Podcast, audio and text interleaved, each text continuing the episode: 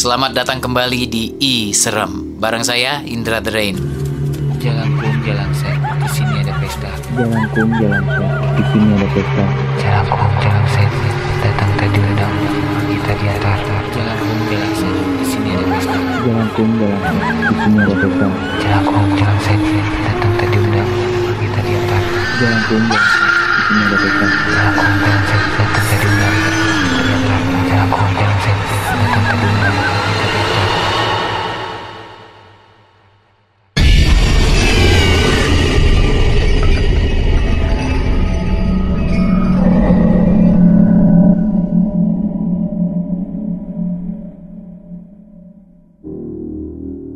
Hai, selamat datang kembali di I Serem bersama saya Indra The Rain. Sebelum memulai podcast hari ini, jangan lupa buat kamu yang punya pengalaman menyeramkan atau mistis atau apa pun yang berbau horor, boleh share ke kita. Kirimkan ke Instagram @iradiojakarta. Siapa tahu nanti menjadi salah satu episode I Serem berikutnya. Podcast I Serem kali ini masih bercerita tentang pengalaman seorang gadis muda bernama Tina, punya pengalaman mistis dengan rumah nomor 13 nih dia nih. Minggu lalu sudah bagian 3 ya. Sekarang kita lanjutkan ke bagian 4. Sebetulnya siapa sih sosok wanita di rumah nomor 13 itu? Cerita ini diambil dari genpi.co. Ini dia cerita horor wanita penunggu rumah nomor 13 bagian 4. Selamat mendengarkan.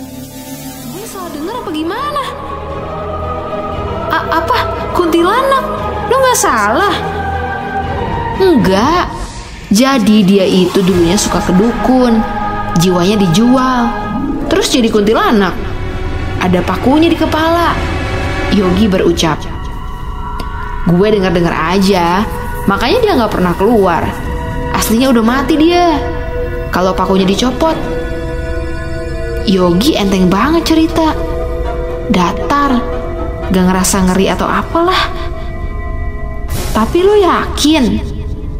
Tanyaku heran. Yakin sih? Habis gak pernah keluar. Gue udah tinggal di sana dari SD kelas 5. Gue sedikit pun gak pernah lihat dia. Cuma diceritain. Dulu keluarganya bahagia. Ada suami, anak, terus pada ninggalin dia semua. Katanya gara-gara ilmu hitam tadi. Ngomong-ngomong, lu udah ada teman sebangku? Sama gue aja. Yogi pun menawarkan. Aku pun setuju. Demi informasi yang lancar. Pulang ke rumah, sorenya aku main ke tempat Yogi.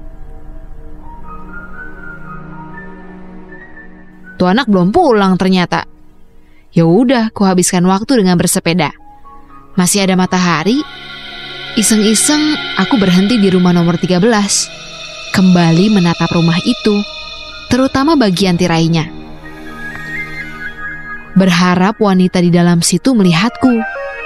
Sengaja nantangin, masih terang. Kalau gelap, aku nggak akan tahu siapa yang kuhadapi.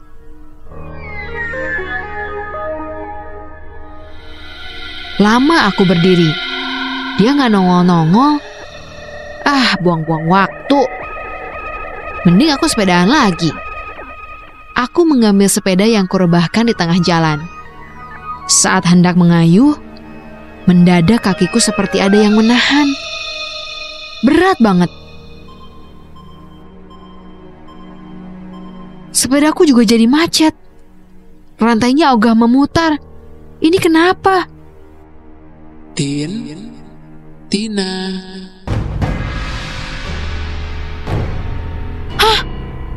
Ada suara memanggilku. Padahal nggak ada orang di situ. Tin, Tina. Tubuhku kaku. Hari sudah menjelang maghrib, tapi aku tak bisa ke mana-mana. Tubuhku tak bisa bergerak, hanya kepala yang bisa digerakkan. Lidahku keluh, mau teriak minta tolong nggak bisa. Aku menengok ke arah rumah itu, dan di tirainya, wanita itu melongokkan kepala. Wajahnya putih keabu-abuan. Dua matanya yang mengerikan menatapku. Senyumnya mengembang memperlihatkan gigi yang berlumuran darah. Tin, Tina.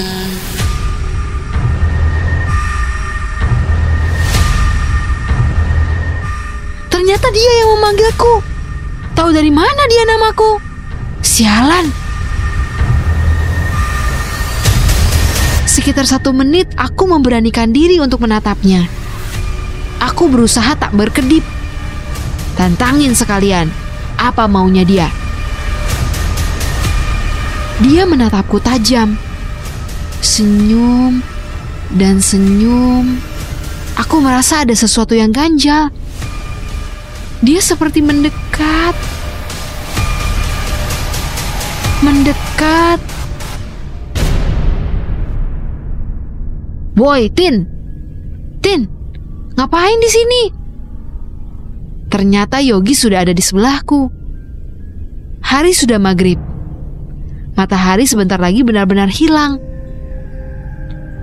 Badanku yang tadinya kaku, sekarang sudah agak melemas. Tapi bulu kuduku tetap tegak. Aku memandangi Yogi dengan wajah ketakutan.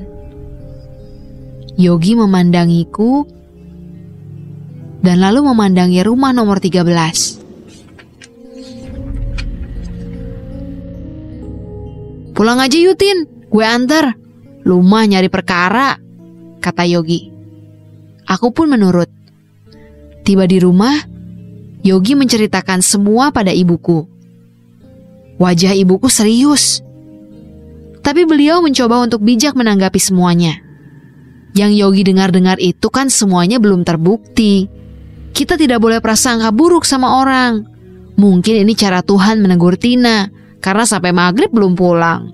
Kan pamali maghrib-maghrib di luar, kata ibu. Yogi dan aku cuma pandang-pandangan. Akhirnya dia pamit untuk pulang. Permisi tante, katanya sambil salim ke ibuku. Aku mengucapkan terima kasih ke Yogi sambil janjian besok untuk ke sekolah. Yogi berjanji menjemputku jam setengah tujuh pagi agar kita berdua tak terlambat. Setelah aku menutup pintu, ibu menyuruhku duduk lagi. Beliau menasehatiku. Lain kali, jangan kamu usik orang lain, supaya orang lain tak mengusikmu. Keinginan tahuanmu itu besar, tapi bisa bikin celaka, Tin. Tolong dimengerti kata-kata ibu. Andaikan yang Yogi ceritakan benar, lalu kamu mau apa? Sudahlah, tugasmu itu belajar. Tak perlu mencari tahu kehidupan orang lain, kata ibu. Aku hanya mengangguk.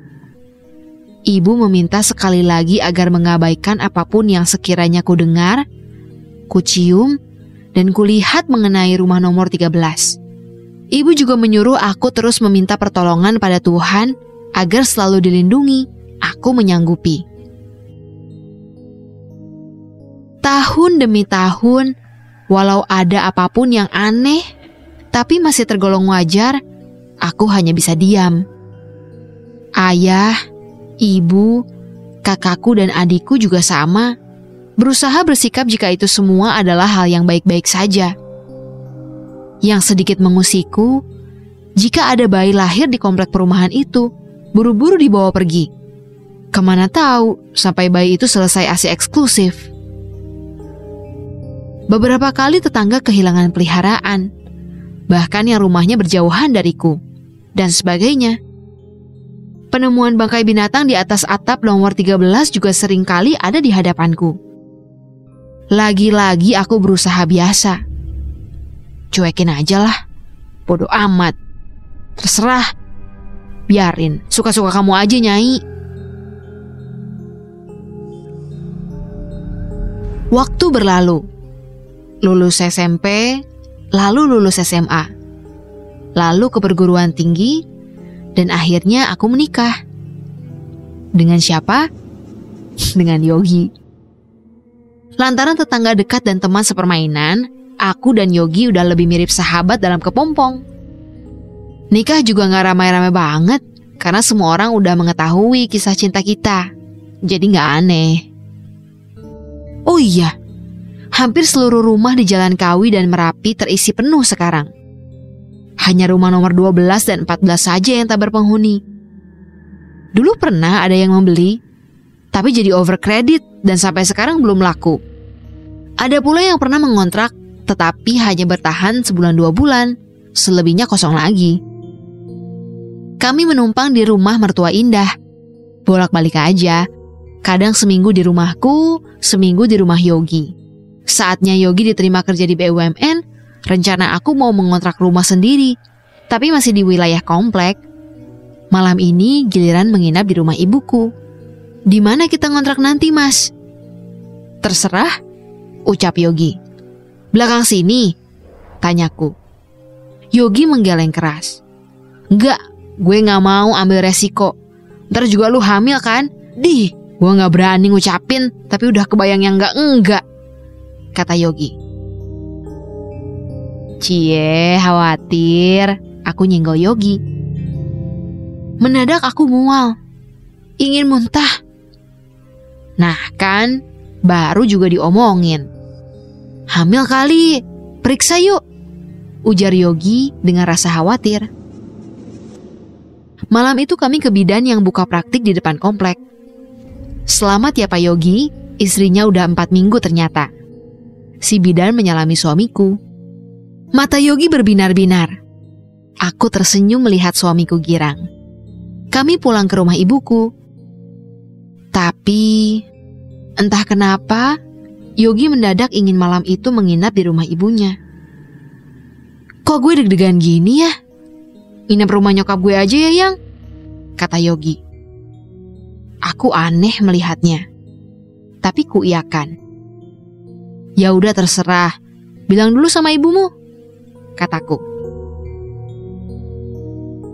Yogi meminta izin pada ayah dan ibuku. Ibuku mengiyakan setelah sebelumnya keduanya ikutan girang karena kabar bahwa kami akan punya anak. Kami pun langsung ke rumah mertuaku. Lupa cerita, Yogi berdarah Kalimantan, Bali, dan Jawa. Perilmuan supranatural hal yang biasa di rumahnya. Ibunya pun bisa melihat hal-hal gaib yang tak bisa dilihat orang biasa sepertiku. Meski begitu, Yogi dan aku merupakan produk zaman sekarang yang gak repot dengan mistis. Itu dia cerita horor wanita penunggu rumah nomor 13 bagian 4. Episode minggu depan adalah final dari serial ini. Pengen tahu kelanjutannya? Tunggu episode podcast Isra minggu depan. Saya Indra Drain, undur diri.